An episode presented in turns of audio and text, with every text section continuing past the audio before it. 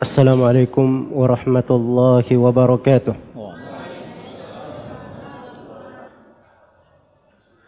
إن الحمد لله نحمده ونستعينه ونستغفره ونعوذ بالله من شرور أنفسنا وسيئات أعمالنا. من يهده الله فلا مضل له ومن يضلل فلا هادي له. أشهد أن لا إله إلا الله وحده لا شريك له. وأشهد أن محمدا عبده ورسوله. يا أيها الذين آمنوا اتقوا الله حق تقاته ولا تموتن إلا وأنتم مسلمون.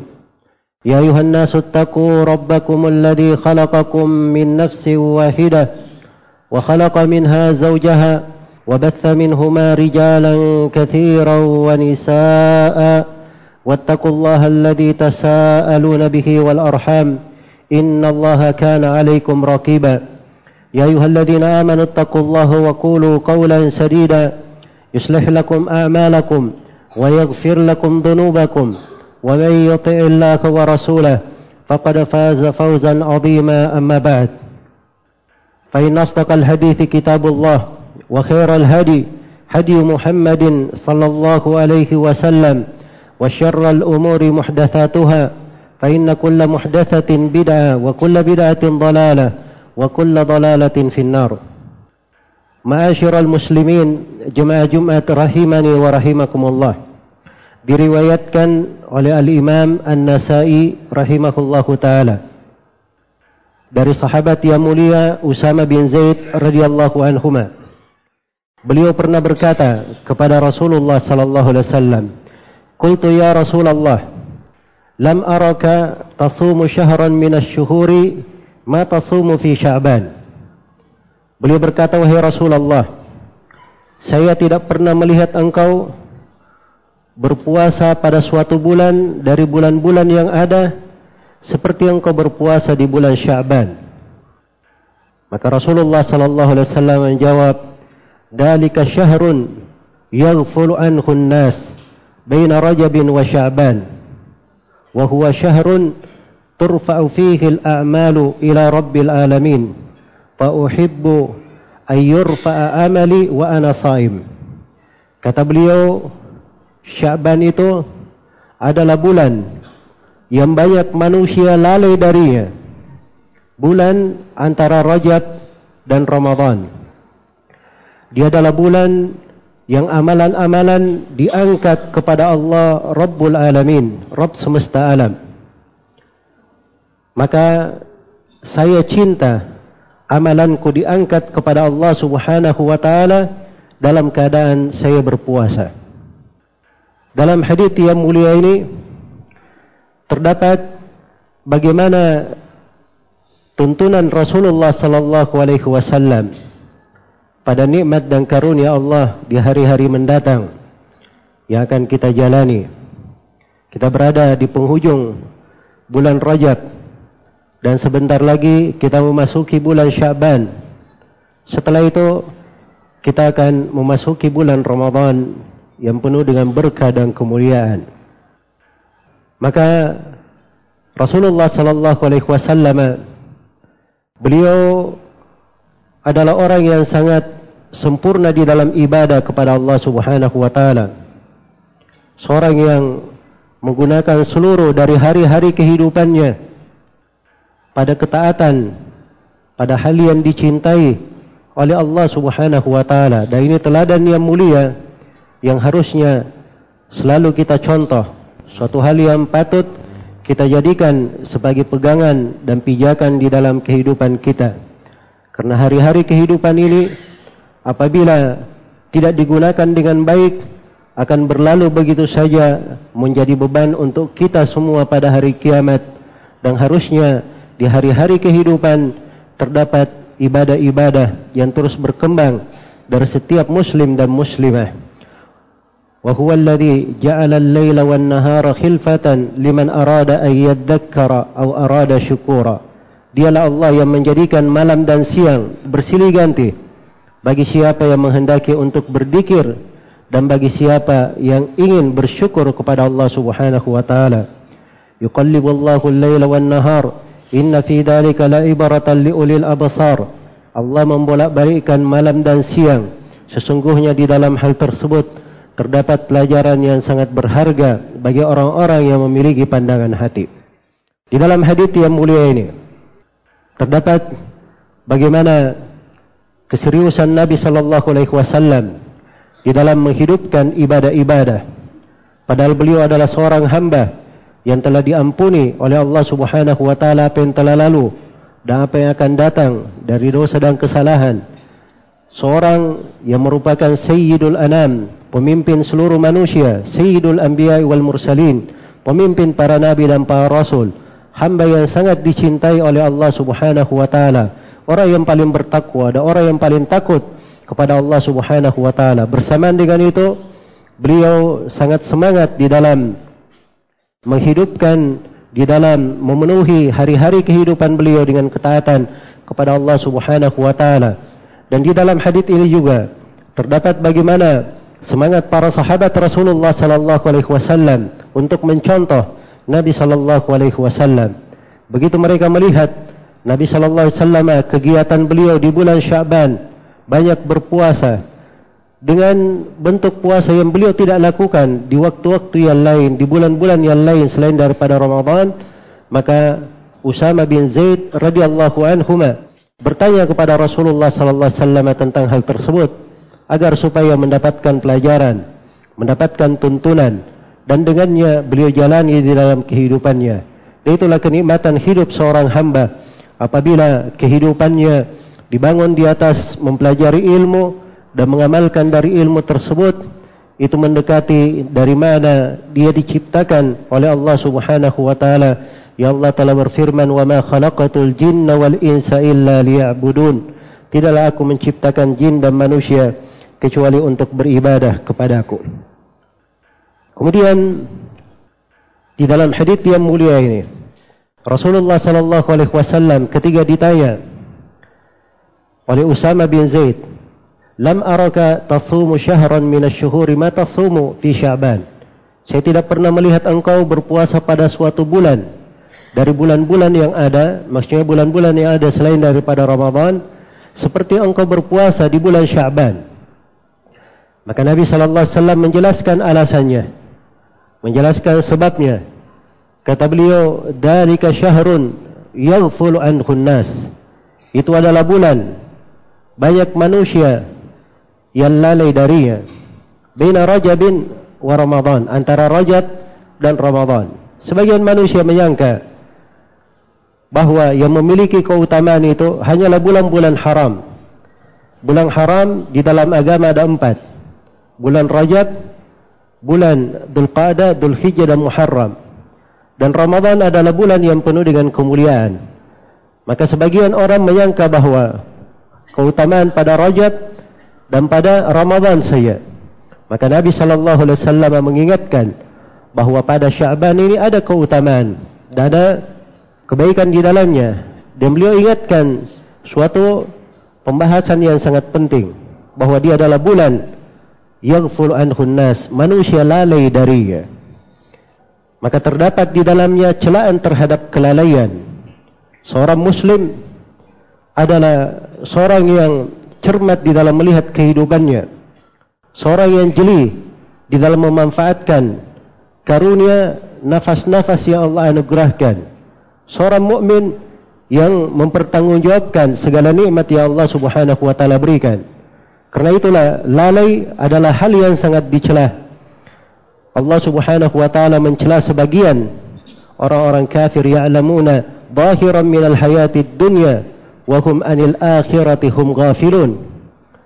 Mereka mengetahui yang zahir yang tampak dari kehidupan dunia tapi kehidupan akhirat mereka adalah orang-orang yang lalai. Dan Allah Subhanahu wa taala sebutkan di antara sebab seorang itu masuk ke dalam neraka adalah orang yang ridha terhadap kehidupan dunia dan merasa tenang dengannya dan dia lalai dari kehidupan akhirat.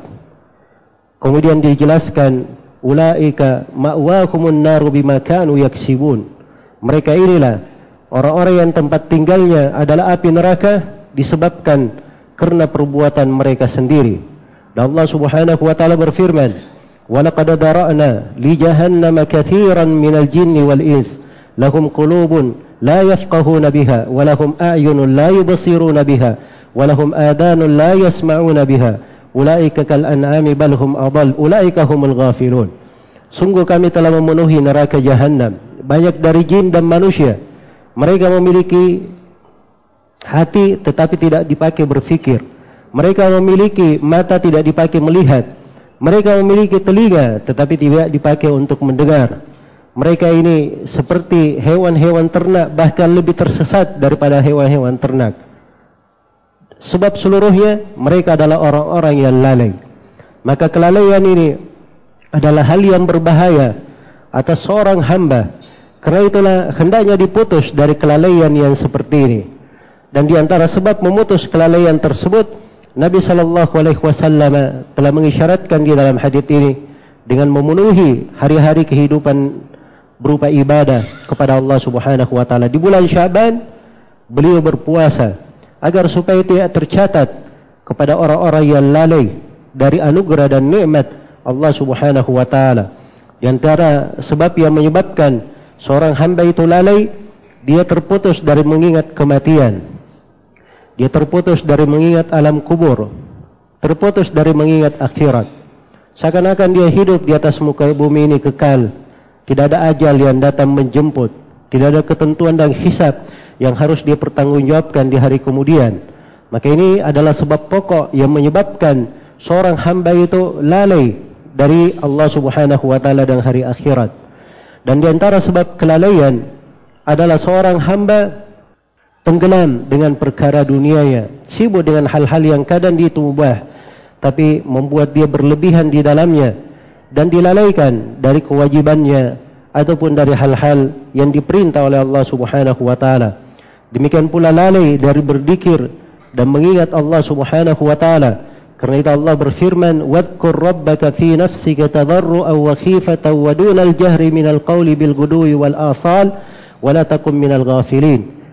Ingatlah Rabb engkau dengan penuh lirih dalam keadaan penuh rasa takut dengan suara yang tidak begitu keras di waktu pagi dan petang dan janganlah engkau tergolong kepada orang-orang yang lalai. Dan di antara sebab kelalaian adalah tidak gemar menghadiri solat berjamaah jauh dari masjid-masjid Allah Subhanahu wa taala. Kemudian terputus dari membaca Al-Qur'an tadabbur di dalamnya.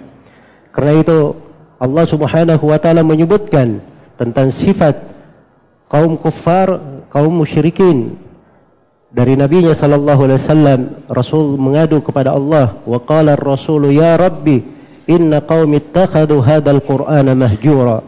Dan berkata ar-rasul yaitu Nabi Muhammad sallallahu alaihi wasallam wahai rabbku sesungguhnya kaumku menjadikan Al-Qur'an ini sebagai hal yang ditinggalkan. Sebagai hal yang ditinggalkan. Maka itu dari sebab-sebab kelalaian dan seluruh sebab kelalaian ini bisa dihilangkan oleh seorang hamba. Dia menghindarinya dan dia ganti dengan sebab-sebab ketaatan hal yang mendekatkannya kepada Allah Subhanahu wa taala pada kesempatan yang mendatang di bulan Syaban kemudian di bulan Ramadan nanti insyaallah taala. Di sini Rasulullah sallallahu alaihi wasallam terangkan dari keutamaan bulan Syaban.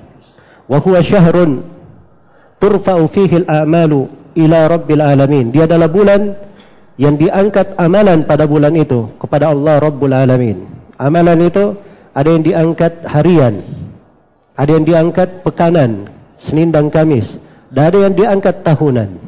Dan ada yang diangkat tahunan. Allah Subhanahu wa taala Maha memiliki hikmah di belakang setiap ketentuannya. Maka pada setiap tahunnya amalan itu diangkat di bulan Syaban diangkat di bulan Syaban kepada Allah Subhanahu wa taala Rabbul Alamin. Maka Nabi sallallahu alaihi wasallam bersabda, "Fa uhibbu ayyurfa'a amali wa ana sha'im." Maka saya berharap amalanku diangkat kepada Allah Subhanahu wa taala. Saya cinta amalanku diangkat kepada Allah Subhanahu wa taala dalam keadaan saya berpuasa. Maka puasa di bulan Syaban ini adalah hal yang disyariatkan oleh Rasulullah sallallahu alaihi wasallam dan banyak dilakukan oleh beliau. Diriwayatkan oleh Imam Al-Bukhari dan Imam Muslim dari Aisyah radhiyallahu taala anha. Beliau berkata wa ma raaitu Rasulullah sallallahu alaihi wasallam istakmala siyama syahrin qat illa Ramadan. Wa ma raituhu fi syahrin akthara siyaman min Sya'ban.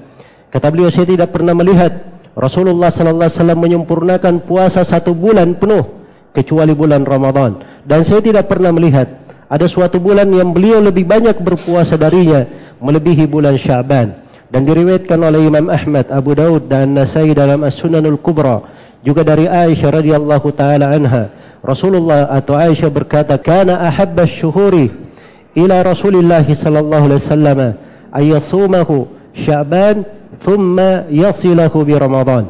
Sesungguhnya bulan yang paling dicintai oleh Rasulullah sallallahu alaihi wasallam beliau berpuasa di bulan Sya'ban kemudian beliau menyambungnya dengan bulan Ramadan. Perhatikan bahasa bulan yang paling dicintai oleh Rasulullah sallallahu alaihi wasallam. Maka siapa yang cinta kepada Nabi sallallahu alaihi wasallam hendaknya dia buktikan hal tersebut dengan dia melakukan amalan seperti yang dilakukan oleh Rasulullah sallallahu alaihi wasallam dan diriwayatkan oleh Ummu Salamah radhiyallahu taala anha beliau berkata ma raaitu Rasulullah sallallahu alaihi wasallam shama shahrayn mutatabi'ain illa Ramadan wa illa Sya'ban wa Ramadan saya tidak pernah melihat Rasulullah sallallahu alaihi wasallam berpuasa dua bulan berturut-turut kecuali di bulan Syaban dan di bulan Ramadan. Sebagian ulama ada yang berkata, puasa di bulan Syaban itu di kebanyakan bulan, bukan seluruh bulan. Dan sebagian ulama ada yang berkata, bahawa siapa ingin puasa satu bulan penuh, tidak ada masalah. Tetapi jangan dia jadikan kebiasaan, setiap tahunnya dia puasa satu bulan penuh. Tapi kalau kadang-kadang ada di suatu tahun dia puasa di bulan Syaban satu bulan penuh, maka itu tidak ada masalah. Para ulama menyebutkan hikmah di belakang puasa di bulan Syaban ini. Seorang hamba akan memasuki bulan Ramadan yang merupakan kewajiban puasanya dan di dalamnya terdapat berbagai keberkahan, kemuliaan dan kebaikan untuk seorang hamba. Maka kita dari pendidikan agama ini kita dilatih untuk bersiap menyambut hal-hal yang besar. Demikian pula untuk kewajiban-kewajiban disempurnakan dengan sunnah-sunnah. Karena itu solat lima waktu, ada solat rawatibnya, ada sunnah qabliyah, ada sunnah ba'diyah pada sebagian salat. Kemudian zakat pun demikian, haji. Ada hal-hal yang mengitarinya dari perkara yang menyempurnakannya.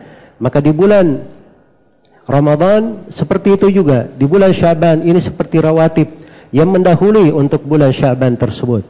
Kemudian seorang hamba ketika dia ingin merasakan kelezatan sebuah ibadah, maka dia terbiasa dengan ibadah tersebut.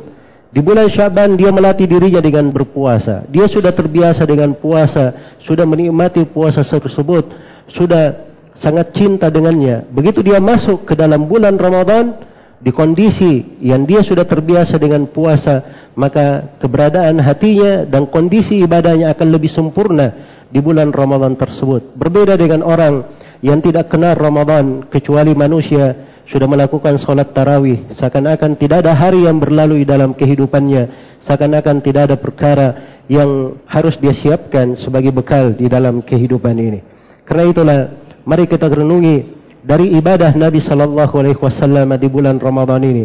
Dan ini akan mengingatkan kepada kita semua Bagaimana kewajiban kita sebagai seorang muslim.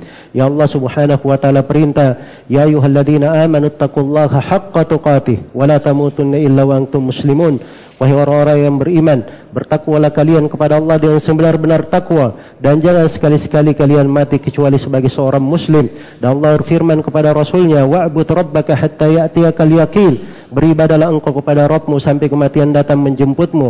Dan Allah Subhanahu wa taala berfirman kepada Rasulnya, "Fa idza faraghta fansab wa ila rabbika farghab." Apabila engkau Nabi Muhammad sudah selesai dalam sebuah ibadah, berdiri lakukan ibadah yang lain dan kepada Rabbmu hendaknya engkau selalu berharap. Aku luma tasma'un barakallahu li wa lakum fil Qur'anil azim wa nafa'ani wa iyyakum bima fihi minal ayati wad dhikril hakim. وتقبل الله مني ومنكم تلاوته إنه هو السميع العليم الحمد لله على إحسانه والشكر له على توفيقه وامتنانه أشهد أن لا إله إلا الله وحده لا شريك له وأشهد أن محمدا عبده ورسوله الداعي إلى رضوانه صلى الله عليه وعلى آله وأصحابه وإخوانه أما بعد kaum muslimin jemaah Jumat rahimani wa rahimakumullah. Hari ini kita berada pada tanggal 27 Rajab. Sebagian umat Islam ada yang merayakan apa yang disebut dengan nama perayaan Isra dan Mi'raj. Suatu hal yang dimaklumi bahawa Isra dan Mi'raj itu adalah bagian dari sejarah di dalam agama ini. Hal yang di dalamnya terdapat pelajaran-pelajaran berharga untuk seorang muslim dan muslimah. Tapi bukan diingat dalam sebuah perayaan tertentu.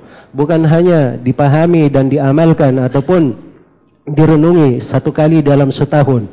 Kemudian yang lebih besar daripada itu harus diketahui bahawa Nabi sallallahu alaihi wasallam dan para sahabatnya yang mulia mereka yang membawa agama ini dan mereka yang paling terdepan di dalam menjalankan agama ini. Tidak ada di dalam sepotong riwayat pun mereka memperayakan apa yang disebut dengan Isra dan Mi'raj.